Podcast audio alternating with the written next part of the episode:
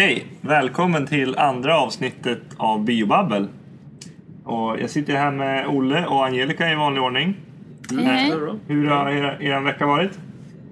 Ja, den har varit ganska upp och ner verkligen. Jag började med lite magförgiftning och, och spydde fantastiska mängder faktiskt. Men Men nu har jag otäckt. återhämtat mig. Förlåt? Aj, alltså vad, vad hade du för någonting? Jag vet inte. Jag tror inte det var vinterkräksjukan. Det tar väl 24 timmar för tarmepitelet att byta ut sig. Det var dina- typ så länge. Ja, gud. Jag har verkligen försökt självdiagnostisera mig själv. Men jag tror att det var ungefär 24 timmar sedan jag mådde dåligt. Sen hade jag lite ont i huvudet men jag tror att det kanske var vattenbristen. Men vi drog ju det där på någon föreläsning va? Att det är toxinerna. och Det var inte- samma dag när jag satt Ja. där på föreläsningen. Jag bara såhär, bro. Jag mådde inte bra. Och det var kul. Jag var väldigt sansad när jag pratade med honom. Jag bara, nu måste jag gå hem och spy. Och du bara så här.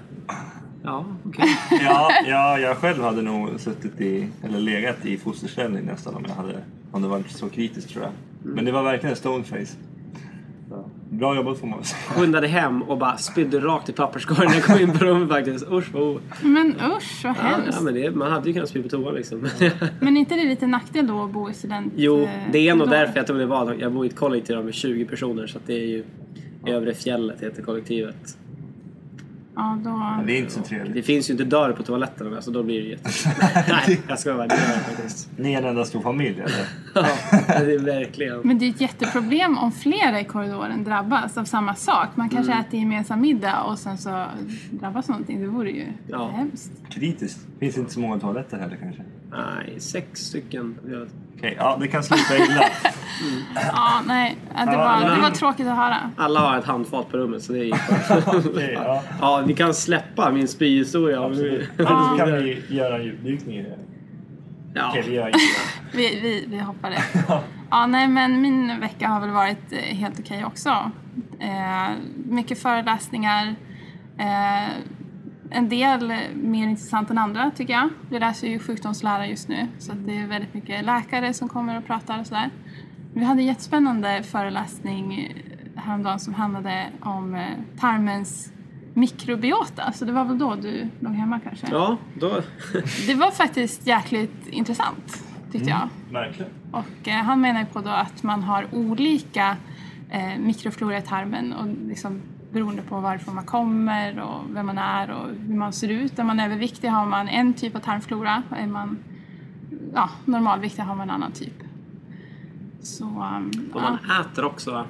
och vad man äter. Det är mm. stor betydelse tror jag. Ja, det, Jag läste en lite populärvetenskaplig artikel, det var kanske ett halvår sedan eller någonting och då hävdade man, det var ju såklart en sensationell rubrik om att mikroberna i ens mage styr en sötsug.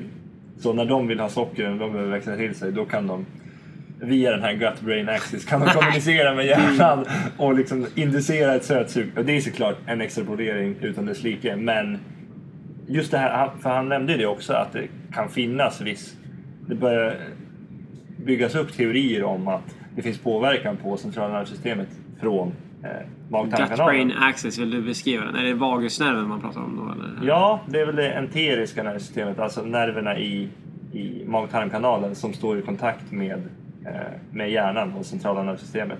Och då är idén, eller tanken då att eh, ja, signalering kan ske mellan de två parterna och att man skulle kunna påverka humör och ja, allt möjligt med, med hjälp av eh, med hjälp av tarmfloran eller på grund av tarmfloran. Mm. Så jag läste lite på det temat en artikel eh, i veckan här som handlade om man hade undersökt vad som hände om man tog eh, tarmfloran från en björn och satte in i en mus. Och så testar man då när eh, ja, björnens tarmflora under sommartid eh, och hur den var under vintertid och såg då att möss som då fick transplanterat den här tarmfloran eh, från sommarbjörnen hade lättare att ligga på hullet än liksom, eh, den andra musen då som fick vinterfloran. Så att den, skulle, den här tarmfloran skulle promota att ta upp fettet mer eller? Ja men tydligen så, så de, den, de bakterierna som finns då kan utvinna eh,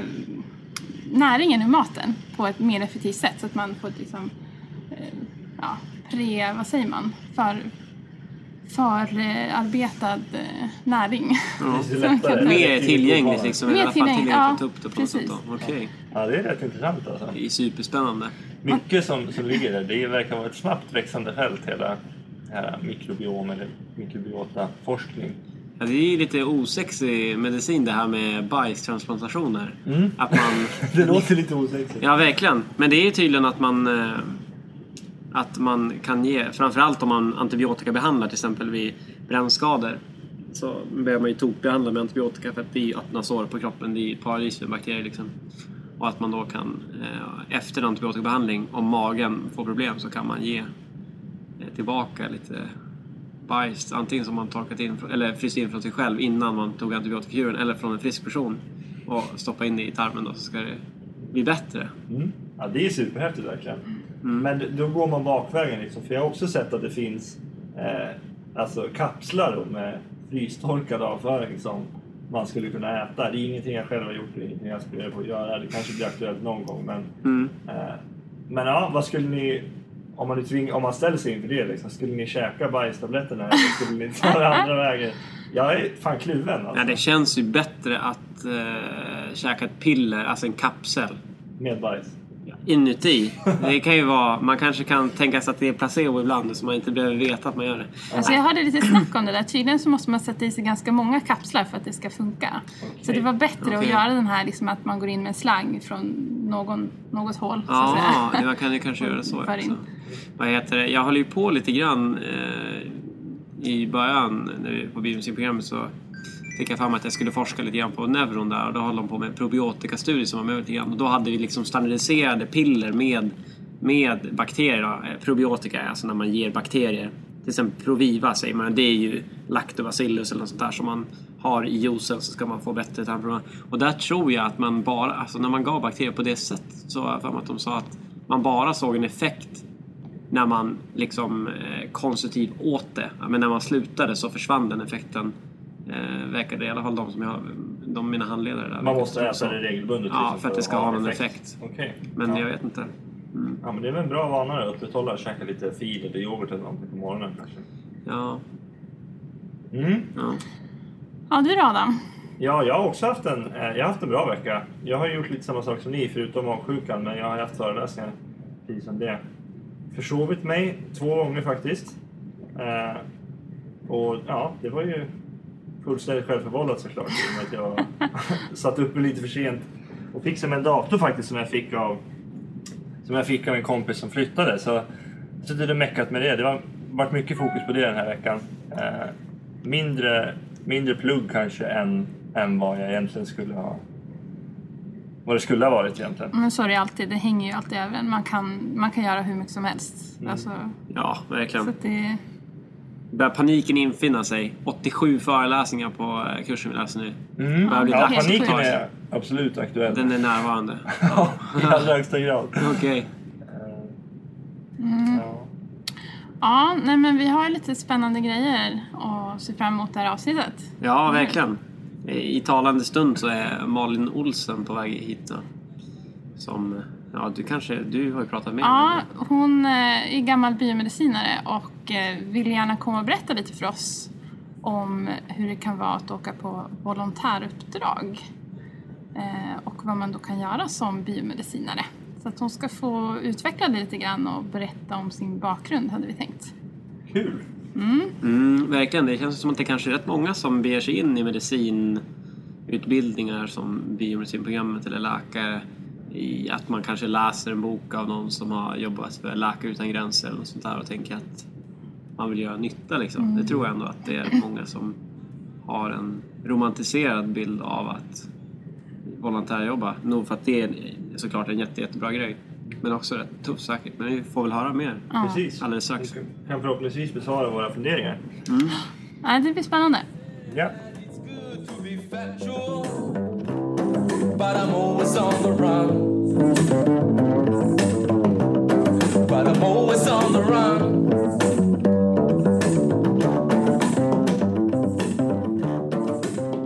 ja, då sitter vi här med Malin Olsen. Välkommen hit! Tack. Okej, vad trevligt. Ja, vi är jättenyfikna på att höra där. Vad, vad du har varit med om för någonting. Så vi tänkte att vi eh, börjar med att vara lite nyfikna på din bakgrund. Du är biomedicinare Ja, precis det stämmer. början. Vilket år gick du ut? Eh, Jag började plugga kandidatprogrammet i Uppsala 2009 Eh, och då ser det lite annorlunda ut än vad det gör idag har jag förstått. Eh, Men jag valde också då tredje året att åka på ett utbytesår. Jag läste inte de kurserna som ni läser under tredje året. Men under mitt utbytesår så valde jag att läsa biomedicinarkurser ändå. Mm. Eh, Så att jag, det enda jag egentligen inte har läst är sjukdomsläran. Allt annat tyckte jag är genetik och biologi och sådär. Mm. Eh, Och sen så valde jag att fortsätta på biomedicinprogrammet. För att jag var intresserad av kliniska prövningar. Och där kunde man komma in på CDD-kursen. Det var biomedicin-mastern då, eller? Ja. ja just det. Mm. Eh, Jag vet inte om det fortfarande är så idag, men då hade man garanterad plats på CDD-kursen. Mm, jag tror att det tror är att så det stämmer. fortfarande. Ja. Mm. Och så är det, det är klinisk prövnings... Vad heter den? Är det någon som kan Eh, det? clinical Drug Development. Så är det nog ja. för. ja. Så det är en jättebra introdukurs om man vill jobba med kliniska prövningar. Mm, just det. Då får man lära sig alla regelverk och man får lägga upp, lära sig lägga, lägga upp studier och så. Så att jag valde att inrikta min, min masterutbildning på kliniska prövningar Mm. och tog examen 2014. Eh, och gjorde första året efter examen så jobbade jag på universitetet eh, här vid Uppsala med Alzheimers forskning. För många andra biomedicinare så är man ju så här, ska man doktorera eller ska man inte göra det? Ja. Eh, Så då jobbade jag där ett år bara för att känna efter om jag ville göra det eller inte. Men det kändes inte riktigt som att det var det jag ville göra. Jag ville faktiskt jobba med kliniska prövningar. Mm. Så då nu i höstas så började jag på ett eh, CRO-företag, ett konsultföretag för kliniska prövningar Okej. Mm. I Stockholm. Så jag jobbar nu som clinical trial assistant, det, som en bra start. Okej. Är det kliniska studier vid eh, KI liksom, eller är det runt om i Sverige eller ut? Nej, det är på sjukhus i Sverige som Ja, okej. studierna görs. Ja. Eh, Så vi får in uppdrag från läkemedelsföretag Mm. eh, och sen utför vi studien åt dem på deras nya läkemedel. Mm. Och jag jobbar mest med senare studier där man prövar det på patienter, inte på friska kikare. Okej. Mm. Det är ju superspännande verkligen.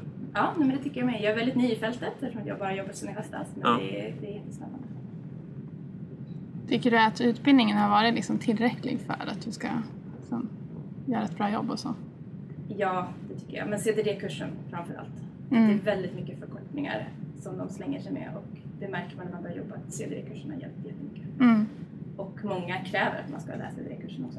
Okej. Det är den enda motsvarigheten som finns i hela Sverige Ja. för den typen av. Så det kan jag rekommendera om man vill jobba med kliniska prövningar. Mm, Okej. Vi vet ju att du har eh, volontärarbetat lite utomlands. Hur, hur i tidsskalan passade det in? Liksom? Var det efter, någon gång innan du började jobba för det här eh, företaget eller var det... Eh, Nej, faktiskt så var det så att jag bestämde mig när jag tog examen att nu är det dags. Jag har tänkt på det här i flera år Okej. och nu så ska jag se till att göra det här. Och då sa jag faktiskt när jag fick mitt jobb på universitetet att ni måste ge mig ledigt fem veckor annars tar inte jag det här jobbet. Aha. Vad Eh, bra. Men eftersom jag åkte över jul så vart det automatiskt ganska mycket ledighet där ändå. Ja. Och universitetet är ju väldigt flexibla så de tyckte ju att det var en jätterolig eh, grej att göra så de gick med på det. Mm, vad kul. Hur var upptakten till det? Liksom? Hur planerade du för att... Ja, efter att du hade bestämt dig och tills du, tills du faktiskt satt på planet. Hur var liksom... Vad vände du dig och hur börjar man om man ska sugen på sånt här? Ja, internet är väl det bästa. Eh, Det finns ju så mycket organisationer ute, där ute som man måste gå igenom och kolla. Men först och främst måste man bara bestämma sig för vad man vill jobba med och kanske ungefär vart i världen man vill åka. Så att man Mm. har något koll på vart man ska börja leta. Eh, Och det var, jag jobbar för Farmaceuter utan gränser, har ni hört talas om? Mm. Jag är volontär där och det var så det började, att jag insåg att jag faktiskt kan jobba med medicinska grejer. Jag har tänkt, alltså sedan gymnasiet kanske, att jag ska volontärarbeta. Men då har jag alltid tänkt att jag ska gå och gräva en brunn i Afrika eller något sånt. Ja. Eh, Men sen nu när jag började jobba för Farmaceuter utan gränser så insåg jag att man kan ju faktiskt jobba med medicinska grejer också. Eh, För de hade då ett eh, stort projekt i Uganda om HIV, vart de lärde ut lokalbefolkningen hur man kan hantera HIV på ett bra sätt. Och då Okej. inser jag att det kan ju faktiskt jag också göra. Det kräver inte att man är läkare för att kunna göra det. Nej. Så det var så jag började kolla på att jag ville göra något medicinskt projekt. Och i samma veva så bestämde sig min lilla syster, hennes pojkvän, för att de också ville volontärarbeta. Så då hade vi problemet att eh, vi måste hitta en organisation som passar oss båda två. Eh, eller alla tre. För att de är byggingenjörer. Mhm. Eller de pluggar till byggingenjörer. Okej. Eh, Så då fick vi, okej vi vill ha en organisation och vi vill åka till Afrika, kom vi fram till. Så fick vi hitta en organisation som hade projekt i Afrika som både medicinsrelaterade och byggrelaterade. Och sen är jag också, tycker det är ganska viktigt att organisationen har ganska bra värdegrunder. För det finns en hel del organisationer där ute som eh, man promotar sig själv med att säga vill att ditt CV ska se bra ut. Vill du åka på en resa där du kan eh, hoppa fallskärm samtidigt som du räddar sköldpaddor. För mig känner jag att ska jag volontärarbeta så vill jag göra det för att hjälpa andra människor. Mm. Och visst att det ser bra ut på CV men det ska inte vara Nej, det Målet låter ju som att man kanske ska ha någon annan typ av inställning om man ska åka iväg. kanske. precis. Så att alla de sållade vi ju bort direkt. Ja, okej. Eh, Och liksom letade reda på de som hade bra recensioner och eh, hade bra värdegrunder. Hur hittar man recensioner liksom? Och hur, på vilket sätt ska man liksom värdera om man går in på en hemsida och liksom... Vad är liksom bra värderingar då?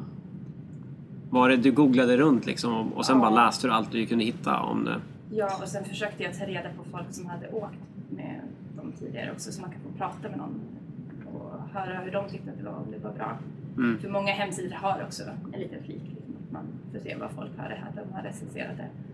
Eh, Så kan man läsa recensioner och faktiskt kontakta personerna i fråga. Eh, Och den organisationen vi fastnade för var en väldigt liten organisation. Det var ett par som själva hade volontärbeitat jättemycket Okej. och bestämde sig för att starta en organisation. Mm. Så då via dem så fick vi kontakt med en tjej eh, som hade varit där tidigare som vi fick prata med. Vad hette det här företaget? Eh, De heter Solidarity Travels. Men just nu ligger företaget på is för att de är föräldralediga. Okej. Mhm. Ja. Eftersom att de gjorde det här helt ideellt. Det var bara de. Så, Mhm. eh, det, förhoppningsvis så startar de upp igen för det var- de var jätte, jättesnälla och trevliga. Och det jag tycker var viktigt också, det var att ofta om man åker med en svensk organisation så har de en kontakt i det landet man åker till. En lokal organisation. Eh, och då är det också bra att kolla upp vilket pris tar den svenska organisationen ut och vilket pris tar den lokala organisationen ut och liksom vad är mellanskillnaden där. Eh, och de hade i stort sett ingen vinst utan det var liksom ideellt. De ville hjälpa oss att komma iväg. Eh, så då måste man ju komma ihåg att kolla upp organisationen man åker till också. Där kan man ju också se på internet recensioner och. Vad är det som kostar? Eller vad, vad betalar man för? Är det deras liksom... Det är också väldigt, väldigt olika och det är väldigt viktigt att kolla upp det. eh, Vad som ingår i priset. Oftast betalar man bara för mat och husrum. Andra eller oftast måste man betala för resa och försäkring och flyg och visum och arbetstillstånd. Allting sånt måste man betala för själv. Okej. Okej. Måste man söka det själv också? Och, Ja. mm. Men lämnar vi åkte till Tanzania och där fixar man allting på plats. Eh, man tar visumet när man kommer till flygplatsen. Mhm. Så det var inget avancerat så. Men ehm, det är bra att tänka på vad som ingår och Mm. vad som inte ingår. Ehm, för vi betalade, för fyra veckor betalade vi 7000 kronor och då var det bara mat och husrum. Ja, det var ju väldigt billigt. Ja, verkligen. Men sen när ni kom iväg, det var till Tanzania ni åkte? Mm. Ja. Va, hur gick det till då när ni kom? Jag skulle känna mig ganska så här, skakig på benen tror jag om jag kom dit. Jag är lite osäker på vad, vad som väntar liksom. Vad, hur gick det Ja. till den biten? Vi visste ju vad, lite grann vad som väntade oss. Eh, De höll på att bygga ett nytt volontärhus där, för vi åkte till ett liten, litet samhälle som heter Madale som ligger norr om den största stan i Tanzania, Dar es Salaam. Och vi visste ju att det här var ett volontärhus som var under uppbyggnad. Och de skulle jobba mycket med ekologisk eh, vad ska man säga, hushållning och det skulle vara självförsörjande och sådär. Så det fanns ingen el och inget vatten och ingenting sånt. Så det var vi medvetna om men det var ändå ganska nervöst innan man åkte iväg att hur, hur kommer det vara när vi kommer ner? Så vi eh, landade i Tanzania mitt i natten, blev upphämtade av en buss som inte borde få köra på vägarna. Skumpade upp i bergen, upp mitt ute i ingenstans, kommer fram till det här volontärhuset som är byggt i bambu. Så det finns ju knappt liksom väggar, det är ju hål i väggarna för det är bara byggt i bambu. Och det finns ja, men ingen el, ingen, inget vatten och så stod det en massa våningssängar inget annat. Så det var bara okej, men vi ligger oss här och så sover vi så får vi se hur det blir imorgon. Oj, oj. Ni överlevde natten i alla fall? Ja, det var väldigt varmt men vi överlevde. Okej. Jag tänkte på det här med infektionssjukdomar. Hade ni förberett er på något särskilt sätt? Vi vaccinerar oss. Uh, gula febern måste man ha om man åker till Tanzania. Mm. Så det är också jättebra att kolla upp sånt i tid, vad som behövs vaccineringar. Och sen Twinrix. Det är hepatit A, B och Precis. Twinrix. Mm. Eh, och tyfoid tror jag också att vi tog. Okej. För att eftersom att vi visste att vi skulle vara på landsbygden under en längre tid, vi var där i fem veckor, Mm. så är det vissa krav. Men vaccinationsbyråerna har bra koll på det. Och jag tog också någonting mer eftersom att jag skulle jobba på ett sjukhus. Eh, tuberkulos. Okej. Okej. Att Jag skulle jobba med HIV-patienter. Vad heter det? Det är swahili va? Som, eller är det engelska också ett officiellt språk i Tanzania? Hur var det? Liksom, fanns det en språkbarriär när du skulle liksom hjälpa till? Liksom, om man, Ja. det, var det ett problem upplevde du eller? Ja, det är ett problem. Jag kunde inte kommunicera alls eh, på swahili på eh, sjukhuset om man träffar eh, icke-akademiker. Eh, väldigt många kan engelska Okej. om man Ja. har en, någon slags utbildning. Om man kanske har gått high school eller universitet så kan folk engelska. Mm. Men ute på landsbygden och då är det bara så liksom. Men det är ändå ett relativt lätt språk att lära sig upptäckte jag. Okej. Ehm, för att allting låter precis som det skrivs ehm, när man uttalar det. Och sen så, jag tror att grundswahilin har bara 800 ord. Så att det är ett väldigt enkelt språk som har blandat in väldigt mycket engelska. Så att jag lärde mig ändå med hälsningsfraser, hej, hur är det, Eh, välkommen. Ja. Det lärde man sig ganska fort. Okej. Bra jobbat. Ja, ändå. verkligen. Ja, men det gick ju inte att läsa swahili. gick ju inte. Det, som jag fick en pa- patientjournal som jag skulle fylla i. Det var så här, ska jag skriva? Jag vet inte. Det ta det- längre tid om jag ska göra det här. Är det samma alfabet? Ja. Okej. Ja. Men eh, helt annorlunda. Men eh, man tänker ju lätt när man... eh, I alla fall när jag tänker volontärarbete så tänker man ju att det är läkare som åker iväg och jobbar på ett sjukhus och hjälper. Som biomedicinare, vad fick du göra praktiskt liksom, när du kom dit? Det var väldigt bra. Jag vet inte om alla organisationer gör så här, men de jag åkte med, jag fick skriva ett CV eh, som de skickade iväg till organisationen jag skulle åka till. Mm. Så de kunde eh, skräddarsy ett program för mig för vad jag kunde. Så jag fick ju skriva ja, men, kurser vi har läst och vilka kunskaper jag har. Eh, Så det jag gjorde, jag jobbade på ett sjukhus eh, framförallt. Eh, Och eftersom att jag är biomedicinare så blev det ju väldigt naturligt att jag var på labbdelen av sjukhuset. Så jag jobbade med malariatestning, eh, testa för HIV, eh, testa för olika parasiter. Eh, jobbar mycket så. Och det var jätteintressant att få lära sig hur de gör. Ja, verkligen. Inte att man gör på samma sätt i Sverige utan det var ju blod, blodutstryk och kolla i mikroskop.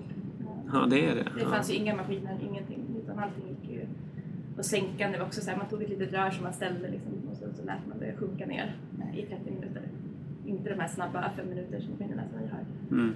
Eh, Så jag var ju mest på labbet och det funkade ju jättebra. Eh, Jag kunde ju inte just de metoderna men men vi som hade jobbat så mycket på labb, man lärde sig ju snabbt och man kände ju ändå igen utrustningen. Eh, Men sen fick jag också vara med och göra såna vanliga sjuksköterskesysslor. Jag försökte förklara för dem att jag är inte sjuksköterska men det ignorerade de helt. Det var liksom Nurse Malin kommer göra det här. Så jag försökte förklara. Ja, men precis, jag försökte förklara att nej, men jag, jag kan inte det här. Jag har aldrig jobbat med det. De bara, ja, ja, ja, men det här går bra. Jag tar andningsfrekvenser på den här patienten. Okej. Eh. Härligt, men kanske lite läskigt också. Jag vet inte. Väldigt läskigt Ja, början. okej. Och det Ja. var bara så här, okej. Så jag kände varenda dag när jag åkte till sjukhus tänkte jag, kommer jag överleva den här dagen? Ja, men Kommer jag komma usch. hem? Ja, Men det gick faktiskt eh, jättebra. De var jättesnälla och lät mig följa med på allting. okej. Ja, du måste ha lärt dig väldigt mycket på kuppen då. i- Alla de här kunskaperna som de antog att du hade lär du i alla fall ha ådragit dig under tiden kanske. Precis. Nej, men så det var mycket såna vanliga ta tempen, läga patienter. Eh, Ja. Jag fick hjälpa till med sårrengöring. Och, alltså man jämför med läkare, det var inga diagnostiska tester eller inga invasiva grejer. Jag fick inte sy patienter. eh, Så.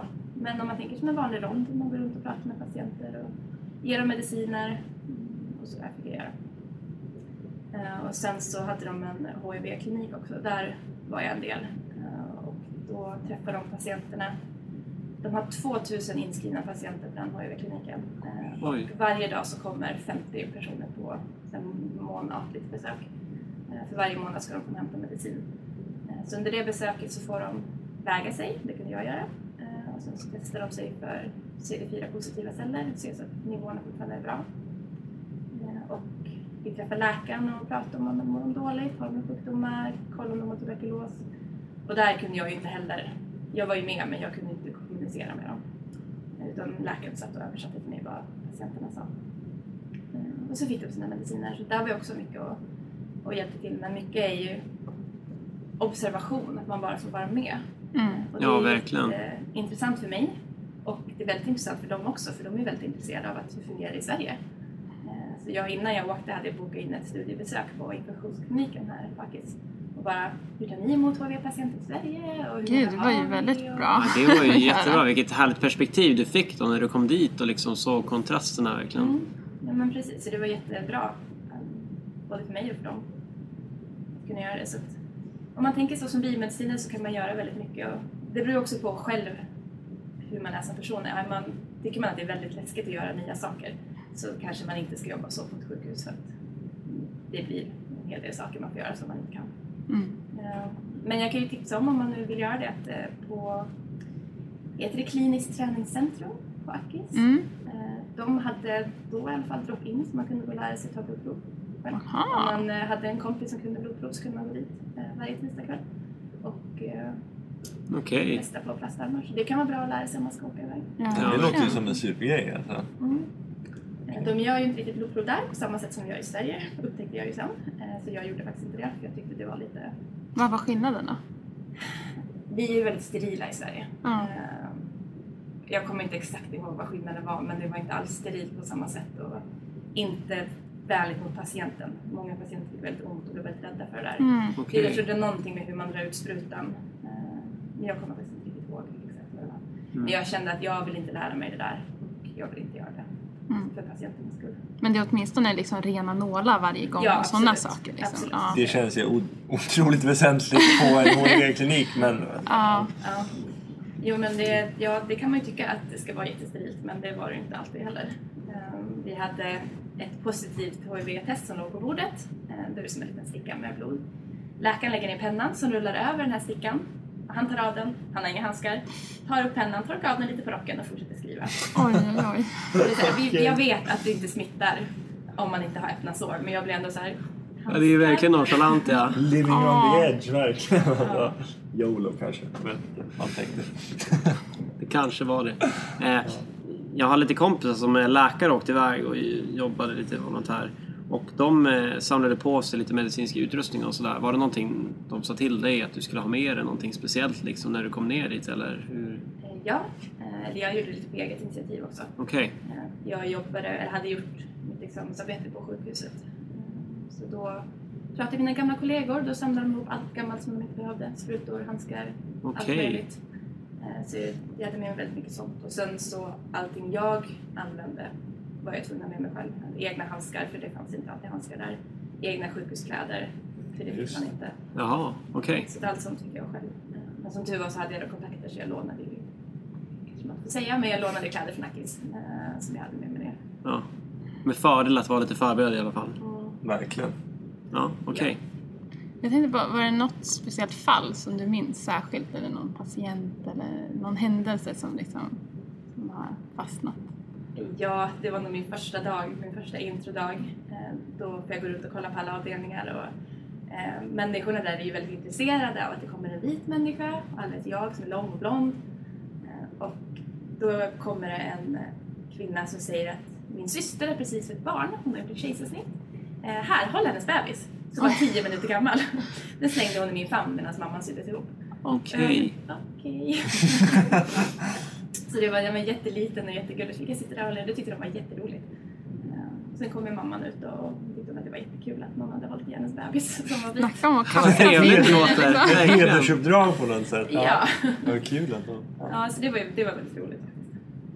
Känner du att du har fått ut väldigt mycket av att du var iväg utomlands? I, det var i USA va, som du gjorde ditt, eh, när du studerade lite grann utomlands och att du har volontärbete. Har du haft nytta av det i liksom, din karriär eller bara personligt här i Sverige liksom också? Personligen så har det ju hjälpt väldigt mycket. Eh, framförallt för att jag har insett att jag klarar av mer än vad jag tror. Eh, jag var helt övertygad om när jag åkte till USA till exempel eh, att ja men det är lugnt, jag känner ingen och jag är själv och jag har flyttat mycket i mitt liv så det kommer inte vara något problem. Men så insåg jag att det var jättehemskt när jag kom dit. Första två veckorna låg jag bara och grät efter min pojkvän och ville åka hem. Men jag tog mig igenom det och sen var det ju bra. Så det klarade jag av att åka till ett land själv utan att känna någon överhuvudtaget. Eh, Och samma också med volontärarbete. Bli inslängd och göra uppgifter som jag inte har en aning om hur man gör. Men jag överlevde och jag tog mig igenom det också. Så man lär sig verkligen mycket om sig själv. Vad klarar man faktiskt av och vilka gränser har man? Eh, Och om man tänker sen i arbete så var det ju just då att USA hjälpte mycket med engelska. Ja, just det. Och det är samma eh, masterprogrammet ges på engelska. Och när man jobbar på universitetet så är det allting på engelska som ska skrivas. Så det var ju jättestor Mm. hjälp att ha haft det på engelska. Men jag tänkte, du var i Indien också. Mm. Var det före eller efter den här? Det var efter. Mm. Eh, Jag, det kom också sig lite naturligt för jag, eh, mitt kontrakt på universitetsjobbet gick ut i juni och då tänkte jag att okej, jag tar ledighet så söker jag ett jobb till hösten. Eh, Istället så i juni förra året så åkte jag till Indien. Min pappa eh, bor och jobbar där. Så då tänkte jag att jag skulle åka dit och jag ville bara uppleva landet, jag ville göra länge. Så tänkte jag om jag ändå ska vara där länge kan jag lika gärna göra något vettigt av det också. Så då, så innan jag åkte, googlade jag runt lite grann bara efter eh, vad man kunde göra för volontärarbete där. Och då visade det sig att min eh, pappas företag, han jobbar på Scania, och de har ett CSR-program. Vad det för? Någonting med samhällsresponsibility. Många stora företag har i alla fall sådana här program, att man ger tillbaka någonting till samhället. Mm. Som Scania då ligger, har en fabrik som ligger lite utanför en storstad, så då ger de tillbaka någonting till det? Eh, Så de jobbade med ett kvinnohälsoprojekt eh, som jag fick vara med och arbeta på. Där var vi jobbade med att eh, minska undernäringen hos kvinnor och barn.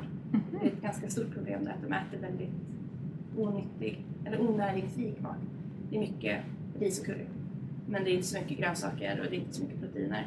Så många är väldigt undernärda. Eh, Och ett ganska stort problem för många unga tjejer får ju barn tidigt när de är 15-16 år gamla. Och är man då 15 år och undernärd så blir oftast barnet ganska sjukt när det föds och är undernärt det också.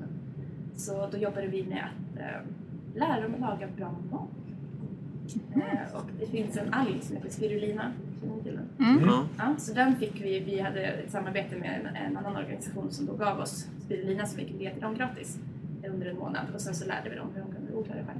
Okej. Hur de kunde använda det i mat och bara hur man gör, men ska man göra pannkakor, släng i lite bananer Mm. så blir det lite nyttigare. Eftersom de har oftast inte så mycket pengar heller så man måste försöka hitta billiga vägar som är nyttiga. Gud vad kul att få laga mat och bara... ja, hur länge var du där liksom? Jag var i Indien i tre månader, Ja. eh, men jag jobbade med det där i en månad.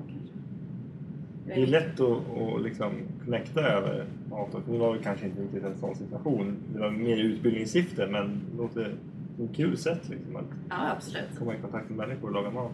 absolut. Roligt för mig också att få laga indisk mat. Ja. Ja, verkligen. Vilka, liksom, vilka människor ingick liksom i de här kurserna? Vilken, vilket samhällssegment om man säger så? Hur? Eh, Det var faktiskt så att eh, den här fabriken som pappa jobbar på, Scania, de eh, ligger utanför stan och där finns det fyra byar runt omkring. Mm. Så vi gick till de här fyra byarna och knackade bara dörr hos alla. Eh, Och så fick vi höra vilka som var intresserade och sen de som var intresserade så testade vi hur deras HB-värde som kan vara en indikation på om de är undernärda eller inte. Så de som då mötte kriterierna för att de har problem med undernäring fick vara med. Mhm. Så det var egentligen alla eh, som hade problem i de här byarna.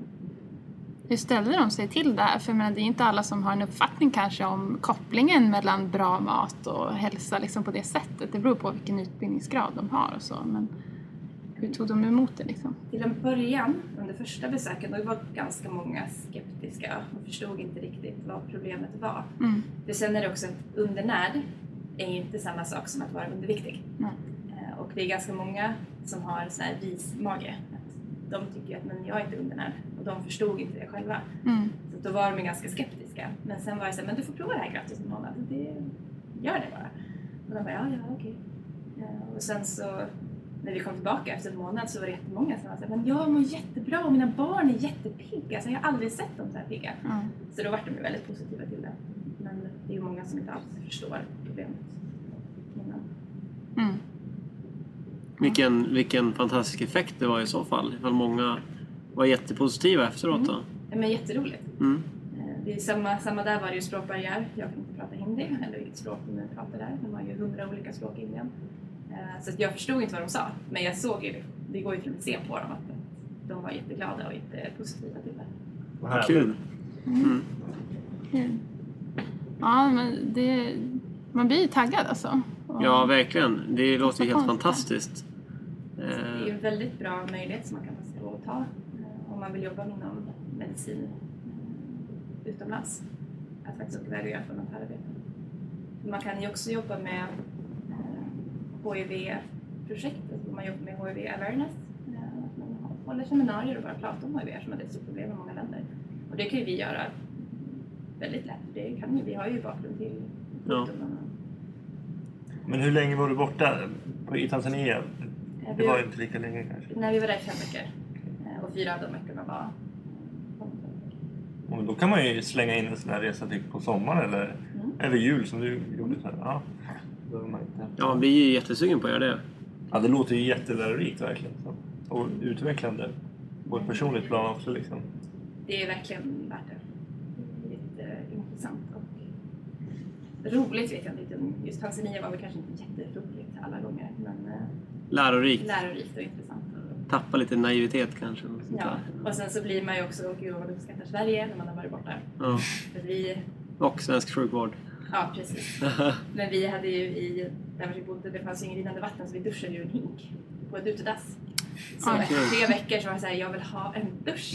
Vilken lycka att väl få kliva in i den Ja, när man är i helt Sverige. Liksom. fantastiskt. Så det var bara det här att vi lagade, där lagades maten över öppen eld.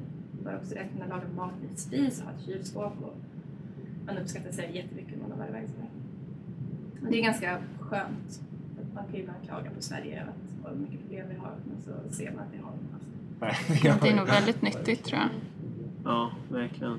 Jag tänkte på vilken stöttning har man liksom från eh, organisationer man åker med? Är det liksom om man har problem på arbetsplatsen kan man höra av sig och fråga liksom kulturella saker och liksom vad, vad kan de göra för en medan man är på uppdraget liksom?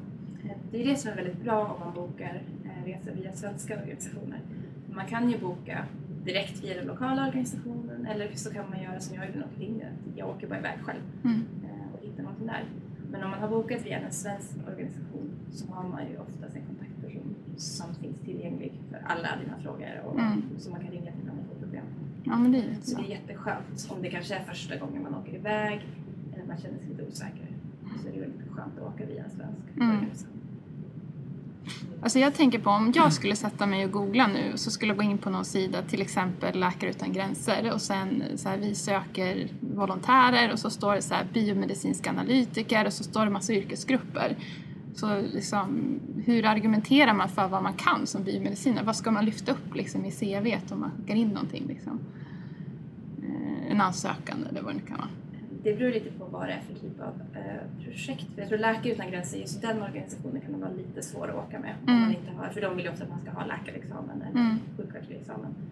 Eh, men annars så om man till exempel vill jobba med ett HIV-projekt så kan man ju lyfta att man har läst eh, virologi, att man har läst mycket om det, att man är väldigt intresserad. Och, men om man till exempel har jobbat på något sätt med haft föreläsningar. Att, eh,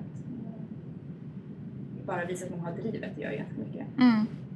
Men det är, det är mycket sådana här NGOs, va? Non-Government Organizations, som jobbar som de här organisationerna som skickar iväg folk på volontärarbete.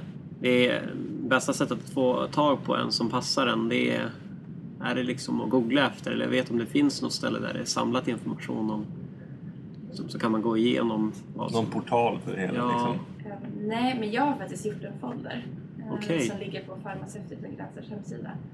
Ja. Mhm. Vart jag sammanställde alla organisationer. Den kan ju vara lite inaktuell nu, men alla organisationer som för två år sedan erbjöd medicinska projekt. Okej, vilken toppengrej. Då har du gjort grovarbetet. Liksom. Ja, men precis, för det är så att projekten ändras ju hela tiden, vilka projekt de kan erbjuda och vilka länder de har kontakt med just nu. Men, eh, sen kan man ju tänka på att det behöver inte bara vara volon- volontärorganisationer, utan man kan ju göra exjobb utomlands också. Ja. Ehm, jag tror det heter Minor Field Studies, Ja. eh, MFS, eh, som universitet erbjuder. Och då kan man ju åka utomlands. Det blir ju typ av volontärarbete fast man gör det som sitt projektarbete. Sådana projekt finns det ju och sen Sida har ju också eh, lite projekt som man skulle kunna söka.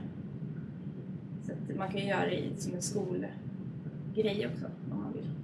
Mm. Just det. Det är ju jättebra tips. Om man eh, funderar kanske på hur man ska ha råd med det, har du några tips på, några liksom extra tips på vad man ska tänka på om man ska... Det kostar ju faktiskt ganska mycket pengar att åka iväg. Ehm, Även om man inte tänker på det när man får eh, själva den första summan från organisationen man ska åka med. Eh, Så tillkommer det väldigt mycket utöver det. Det är vaccinationer, jag har säkert lagt 5000 på vaccinationer de senaste åren. Och, eh, försäkring måste man ju ha, och visum och arbetstillstånd kan kosta pengar. Och sen kanske man även vill göra något annat när man är där också som kan kosta pengar när man vill åka på en resa eller så. Eh, Så att tips där är ju verkligen att söka stipendier. Okej. Mm. För om man är student så har ju universitetet stipendier och nationen har stipendier. Och sen så finns det eh, en stipendiehandbok som heter Global Grant. Men om ni har hört talas om det? Global Nej. Grant? Nej, det har jag nog inte gjort. Då blir det alltså globalt stipendier eller scholarships. Eh, Jag tror att det är, man kan söka bara till svenska. Okej, ja. Eh, Men det är i alla fall en, en stor databas med massa stipendier. Mhm. Och den kan man komma åt gratis via universitet, eh, bibliotek och universitet. Eh, Så om man går till stadsbiblioteket till exempel och loggar in på deras wifi så kan man komma åt den gratis. Det är ju ett jättebra tips. Ja, för där finns det, det, det tar väldigt lång tid att söka de här stipendierna. För först måste man söka upp vilka som skulle kunna passa in och sen måste man skriva ansökningsbrev. Men det är så värt det att kunna få lite extra eh, hjälp. Och sen får man vara lite, lite finurlig där också för att många, om man tänker deras kriterier, då kan de ju kanske skriva att um, det här ska ges till någon som ska eh, hjälpa andra. Uh, och då kanske det är ja, lätt att men jag ska hjälpa andra genom att jag ska åka till Tanzania och göra det här. Medan andra kriterier kan vara lite luddiga så man tänker att det här kanske inte passar in det jag ska göra men då får man ändå försöka vinkla det lite grann. Eh, Så jag fick faktiskt stipendier som var en bygg, eh, byggstiftelse som jag pratade till med att vi behövde. Så att man får hitta liksom kriterier som man skulle kunna passa in och så bara sök allt som man kan. Brukar de vilja att man ska redovisa vad man ska använda pengarna till? Eller jag vet stipendier som eh, är via universitetet. Jag har något där och där behöver man inte redovisa vad man får pengarna för. Men när man ska åka iväg på ett sånt här ändamål då måste man visa kanske vad man ska ha pengarna till. Ja, precis. Eh, Jag tror alla krävde, det var ganska mycket papper som man skulle skicka in. Okej. Eh, Vissa krävde att man skulle skicka in Skatteverket-papper, att man inte har så mycket pengar. eh, Att man inte sitter liksom på flera miljoner, då kanske man inte ska få stipendier. Um, och sen så ska man skicka in en budget för vad pengarna ska gå till.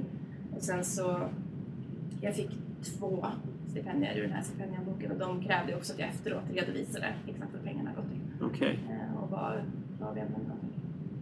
Men kunde du säga då att jag spenderat så här mycket på vaccination för att kunna åka iväg hit? Var det sådana grejer du kunde få? Nej, det vi använde pengarna till faktiskt. Eh, Vi, innan vi åkte så bestämde vi oss för att vi ville göra någonting extra. Vi ville inte bara åka på volontärarbete utan vi ville göra någonting mer. Så vi hörde oss för med organisationer där nere att är det någonting som behövs så vi skulle kunna starta en insamling till. Då volontärhuset där skulle eh, ha en liten lokal där man kunde ha undervisning för lokalbefolkningen. Eh, Men de hade inte medel att bygga det själva så sa de att "Men det kan ni samla in pengar till. Och alldeles till min syster och hennes pojkvän är byggingenjörer så passade det bra. Ja, verkligen. Så då bestämde vi oss, okej, då gör vi det. Så då startade vi en insamling. Eh, Vi började på Facebook. Och vi tänkte så här, ja vi kommer få två likes till våra föräldrar ungefär. Men det gick faktiskt jätte, jättebra. Vi hörde med företag också om de ville sponsra oss. De kunde inte sponsra med pengar. Eh, Men vi fick arbetshandskar och pennor och kondomer som man kan ha på HIV-event. Eh, Och mycket sådana saker. Och vårt flygbolag sponsrade oss med väskor så vi kunde ta med oss bagage så vi kunde få med oss allting. Jättebra. Eh, och vi fick in totalt ungefär 35 000. eh, Okej, vilket driv. Vad glad man blir när man hör det. Ja, nej, men det var jätteroligt. För att man märker ju att det finns många människor som vill hjälpa och även om man inte själv åker iväg så kan man ju hjälpa genom att bidra till någon som faktiskt åker iväg. Så vi använde stipendierna till det. eh, Dels. Och då kunde jag redovisa till att det har gått till byggmaterial för att kunna bygga den här lokalen. Eh, Men det är jätteroligt nu för de byggde upp den här lokalen och den används idag till engelskundervisning för de som bor där gratis. Gud, Vilken härlig grej att bidra med. Det är helt fantastiskt. Mm, men jätte, det är jätte, jätteroligt och där känner man ju också, det är en sån sak som man också tar med sig att man kanske tänker att ja, men en kan inte göra så mycket skillnad. Men det kan man ju uppenbarligen, för vi var tre stycken som bara helt själva starta insamlingen och nu finns det en lokal i Tanzania som gör att lokalbefolkningen kan lära sig engelska. Gud vad Ja, häftigt. Ja, grymt. wow! Det är så man känner, man ser ju liksom allt elände på TV och så tänker man liksom, ja men gud vad kan jag göra liksom så. Men eh, någonstans har man ju förhoppning att det, det man lär sig ska kunna liksom komma andra till glädje liksom till slut. Nej men det gör ju verkligen det. Och bara att man är där nere också. Det är... Människorna tycker att det är väldigt intressant för där vi var så fanns det inga vita människor överhuvudtaget. Nej. Och de är intresserade av att höra men vilka vi är och var kommer vi ifrån. Och bara en sån sak gör ju mycket Mm. för dem. Att få men lära sig lite om, om Sverige eller om resten av världen. Och många var jätteintresserade av att jag hade varit i USA och ville att jag skulle bilder. Och så. Roligt. Hur, hur är kulturen där nere liksom, generellt? Är liksom folk eh, välkomnande och varma och sådär? Eller? Eh, jo, det skulle jag nog säga. I Tanzania så är de... Eh, jo, det är de. De är väldigt snälla och, och välkomnande. Man måste ju vara lite försiktig för det är ju ganska mycket eh, små kriminalitet. Så det var ju, man fick inte, vi fick inte vara ute själva på kvällarna. Och det är ingen, ingen så här stora våldtäktsproblem eller så, men det är att de, de tar din kamera. De ser att du rik. Mm. De tar din väska. Eh, Men annars så vi kände oss inte särskilt osäkra så länge man är lite försiktig bara. Så. Eh, Men de var jätte eh, och väldigt intresserade och ville prata mycket. Och även om man kanske inte förstod varandra så ville de ändå försöka prata med en. Mm. Men det är ju lite kultur för att de, för de har ju ändå att man ska täcka axlar och knän till exempel. Och det var det ju en hel del som hade lite svårt för att de ville inte göra det för att det är så varmt ute. Och, men det är ändå någonting som jag känner att det är viktigt att respektera när man åker iväg. Mm. För om vi kommer till deras land så måste vi ändå respektera deras regler. Ja, verkligen. Mm. Alldeles som man ska jobba i skolor eller på ett sjukhus. Mm. Jo men det är ju respekt, det är så som man känner. Precis, Så lite så var det ju. och sen så är de ju väldigt annorlunda att jobba med. Om man tänker, ja, men I Sverige, om vi har ett möte klockan två, men då är man där klockan två. Här var det så här, då kommer man nästa vecka klockan två. Ja, det var en vecka sen alltså. Ja, eller så kommer man inte alls. Eh, Så det här, this is Africa, det fick man ju lära sig att ja, det, Okej, det är så här, ja. ja ja, vi tar det imorgon istället. Lite skönt eller mest frustrerande? Det är egentligen jättefrustrerande när man försöker göra någonting. Och det värsta var ju för min, min syster och pojkvän bara, vi står här med 35 000 kronor. Kan ni bara hjälpa oss att köpa någonting? För att De skulle åka iväg och handla material till den här byggnaden. Ah, men vi gör det imorgon istället. Det är så varmt idag. Vi kan väl ligga och skuggan under trädet istället. Det Men det kommer vara varmt imorgon också. Precis. Men samtidigt så blir man lite så här, varför är vi så stressade? Mm. Ja. Är det jättebråttom att bygga det där huset? Måste det vara klart inom en månad? Gör någonting om det ska ta en månad att bygga. Så att de har väl kanske lite mindre stressproblem än vad vi har. Som att de är såhär, ja ja, men jag gör det när jag känner för det. Har du tagit med dig det hem? Känner du att du liksom inspireras lite av det? Ja, ja, kan ta det imorgon. Kommer du en vecka sent på möten och så? Liksom, är det något annan? var i tid nu i alla fall. Nej men lite att man kan liksom värdera tiden annorlunda. Allting måste inte ske liksom sekvens hela tiden. Jag tror faktiskt inte det. Jag är väldigt såhär, ska man göra någonting så vill jag ha det gjort. Ja. Så det är nog faktiskt något jag inte har tagit med mig. Nej, okej. Och jag tror inte jag skulle bli så uppskattad heller om jag hade gjort det. Nej, det blir lite kulturkrock. Ja. man inte tagit med sig det. Men det är intressant bara att få tankeställare. Mm. Att Vem är det egentligen som har rätt? Mm. Det är väl ingenting som säger att vår stressade tillvaro är det som stämmer. Mm, precis. Nej, det är ju verkligen sant. Vad heter det? Kanske inte kopplat till att eh, volontärarbeta. Eh, Som biomediciner, har du något annat tips? Det är ju eh, kanske framförallt biomediciner som kommer lyssna på den här podcasten. Har du några andra tips som är kanske kopplade till studie eller karriärsmässigt eller ja, vad som helst som du känner att det är någonting du vill dela mer av annars till biomedicinare? Oj, vilken bra fråga.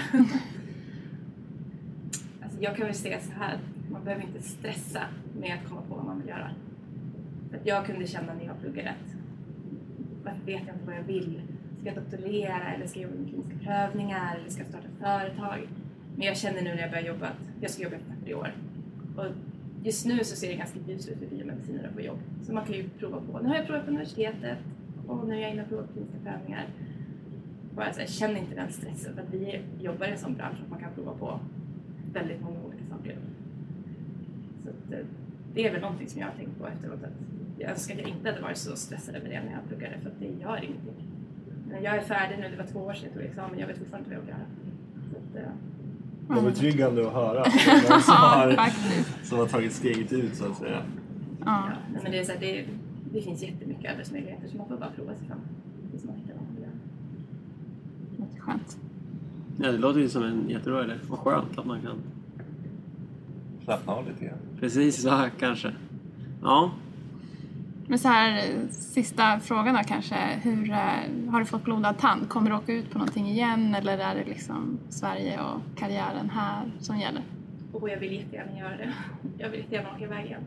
Eh, och jag jobbar ju med Farmers efter utan gränser också så att eventuellt kommer jag ta ett utlandsprojekt och jobba med där. Kanske kan åka iväg. Men just nu har jag lovat mig själv att nu ska jag spara pengar så jag kan köpa lägenhet. Okej. Så Mm. att jag har lovat mig själv att inte åka iväg någonstans i år i alla fall. Får se om du kan, om du kan hålla det. kanske blir för, lockelsen blir för stor kanske. Mm, vi får se, vi får se. Men jag tycker att det är jätteroligt så att jag gör det gärna Mm. igen. Just nu får jag kanske lite. Okej. Ja. Vi har ju en, eh, en blogg där vi ska lägga upp eh, vår podcast. Vi tänkte att har du några länkar eller tips eller så så kan vi lägga upp det där. Du har ju haft några här nu tips. Så att, eh, kan vi posta det där. Mm. Mm, verkligen. Kan ju länka till den här stipendieboken och den lilla folder som jag har skrivit. Mm. Det är en jättebra idé. Vi kanske till och med kan få, ja, det är ju, om du känner dig bekväm med det, mejladress till dig om man vill höra av sig, ha frågor till dig utöver det som vi har ställt eh, i det här avsnittet. Får man ta kontakt med dig då? Absolut, det går. Ja, vad kul. Man kan ju mejla till eh, våran mejl, biobabbelgmail.com så kan vi vidarebefordra till dig då Malin. Mm. Det låter bra. Ja, tack så jättemycket för att du kom. Det var superintressant att höra. Ja, jättespännande. Verkligen. Det är roligt att prata om. My mama says the love's all that matters. But I'm always on the run, always on the run. But I'm always on the run. Ja, men det här var ju jättespännande. Verkligen. Det var ju inspirerande och bra berättat. Ja, Lite fart och fläkt också. Mm. jag, vill, jag vill få in det på något sätt. Kan inte? Ja, men alltså, man får ju säga att eh, man måste vara rätt proaktiv om man ska göra en sån här grej känns det som. Ja, det hon hade så. ju verkligen kollat upp eh, jättemycket saker och bara det här att de hade en insamling, sponsorer liksom innan de åkte. Det, det, Det är ingenting nödvändigt liksom egentligen. Men det är väl klart att det kanske förgyller det på något sätt. Men ja. Vilken drivkraft hon hade. Alltså, Ja. hade verkligen åstadkommit med saker när hon, när hon var där. Liksom. man blir ju fantastiskt peppad när man Ja. hör det. Man blir verkligen sugen på att driva någonting lika bra på något sätt. Det är verkligen saker som har gagnat människor. Liksom. Det, Ja. Man blir ju glad när man hör det. Ja, direkt feedback. Alltså, ja. Det ger Men man, liksom. man kanske inte ska bli nedslagen heller om man känner att oj, men jag är inte en sån engagerad person och Nej, jag, jag har inte inte. så lätt att ta tag i saker. För att jag tror att bara man liksom börjar, att man vänder sig till en organisation så kan man nog få ganska bra stöttning. Eh, ja, men som hon berättade om. Att, Mm. eh, man kanske inte måste vara superaktiv heller, men det är klart att man måste kolla upp saker. Det, det är viktigt. Mm. Ja, kä- känner man att det skulle vara aktuellt så kan man ju kika in den här länksamlingen. Hon har gjort en superbra sammanställning av, eh, Mm. av lite olika organisationer. Den kommer komma på, på hemsidan, på bloggen. Hon hade även en massa bilder som vi tänkte lägga upp. Som man får titta på. Mm. Det kan vara spännande att se lite in real life hur det ser ut. Mm, verkligen. Och som sagt, vill man eh, ta kontakt med Malin då får man jättegärna mejla biobubble.gmail.com så kan vi hänvisa till Malin då om man har frågor om, ja, om hur hon hade det eller om man vill ha frågor hur hon gick, eh, gick sig tillväga på något specifikt sätt som inte kom med i den här avsnittet av den här podcasten. Utan, så det får man jättegärna göra. Mm.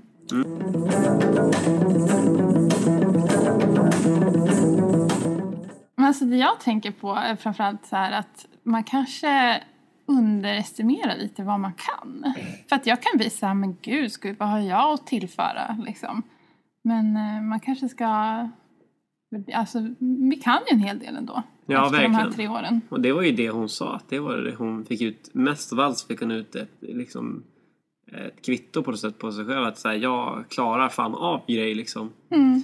Eh, Om det här med, med utbilda om HIV, det är sådana grejer. Det var ett typexempel jag reagerade på. Så här, ja, det skulle man ju faktiskt kunna göra. Liksom. Men det har aldrig slagit mig tidigare att man har ju en ganska bred baskunskap om sådana här saker som inte finns på de platserna där det verkligen, verkligen behövs. Så att man är ju i allra högsta grad kvalificerad liksom, bara man tar sig an det. Det Ja. bara komma över den där tröskeln. Liksom. Verkligen. Superhäftigt. Sen har vi ju faktiskt, alltså, det är väl en grej som programmet skulle kunna bli bättre på. Vi pratar ju inte så himla mycket om hur vår kunskap ska komma samhället till gagn som ändå är en av våra liksom, främsta uppgifter i akademin. Så att där kanske man...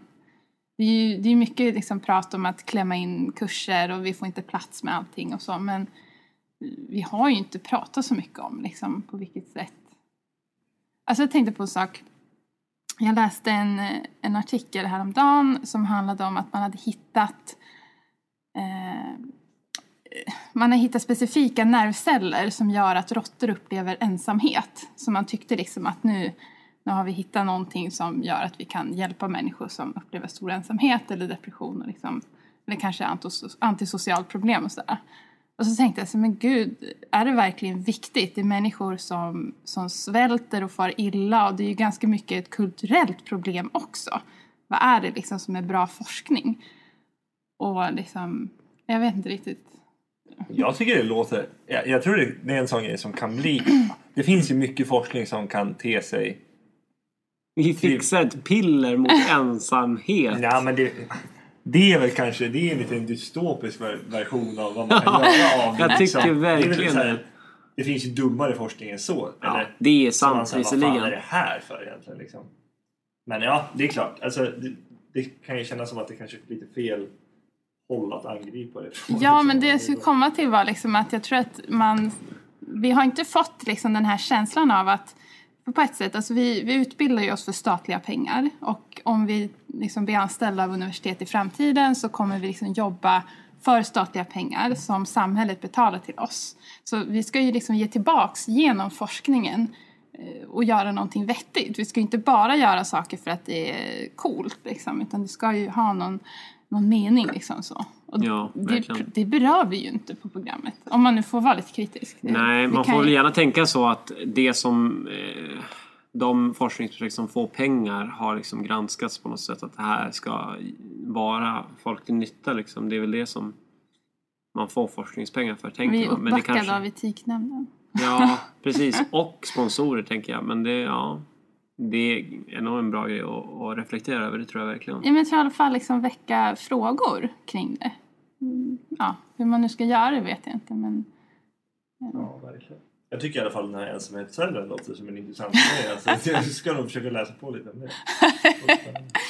ja, nej, alltså jag säger inte att det är orelevant. Men på något sätt så kan det bli en kontrast till, liksom, vi vet att det sitter ensamma människor eh, ensamma, liksom, det, det uppmärksammas på julafton och sen så sitter de där ensamma i sina lägenheter och man kanske inte gör så mycket för att förändra det. Alltså vår kultur är ju väldigt individorienterad, man får skylla sig själv i allting man gör. Liksom, så. Mm. Ja, men det vore jätteskönt om man kan Om ge dem en pillerburk liksom, så kan de liksom få en kompis där. Det kan ju vara Mm. 364 piller kanske. Och så på julafton då behöver man inte det kanske. Då, då träffas man ju. Ja. Man kan ju ge ett piller som räcker länge. Det finns ju ganska bra depåvarianter tiden också. Mm. Det är att försöka föreställa sig en överdos av ensamhetspiller. Blir man superschizo då eller vad är det liksom för... Ja, Eh, slår det över i något annat spektrum av det medicinska liksom? Ja, nej men man kanske blir otroligt charmig bara åtdragande liksom. Folk kommer till en utan... Ja, just det. Du tänkte så. tänker jag. Det är bara, I framtiden kommer man kunna ta ett piller. Liksom. Man behöver inte äta, man behöver inte göra någonting. Utan det är liksom bara kondenserad energi och allt liksom så här. Du kör typ ett blodprov och så bara klick in manik och så bara får ut ett, en tablett och så tar du den och så får du i dig alla näringsämnen och så justerar dina nivåer och allting. Liksom, så här. Och sen kan man bara vara högeffektiv. Man kan bara kondensera ner lite sömn i den där åtta timmars sömn i tabletten också. Så kan man börja... Ja, man kan bara producera liksom. Vad man nu håller på med i och för sig. Och det är väl ändå det livet handlar om, att effektivisera sig själv. Att jobba så mycket som möjligt. Producera. Ja, ge tillbaka till samhället. Maximalt. Så många pek som möjligt. så många pek. Vad är ett pek? Ja, en vetenskaplig publikation. Okej, Det kom- du läste ju var det kommer ifrån va? Ja, var kom det ifrån?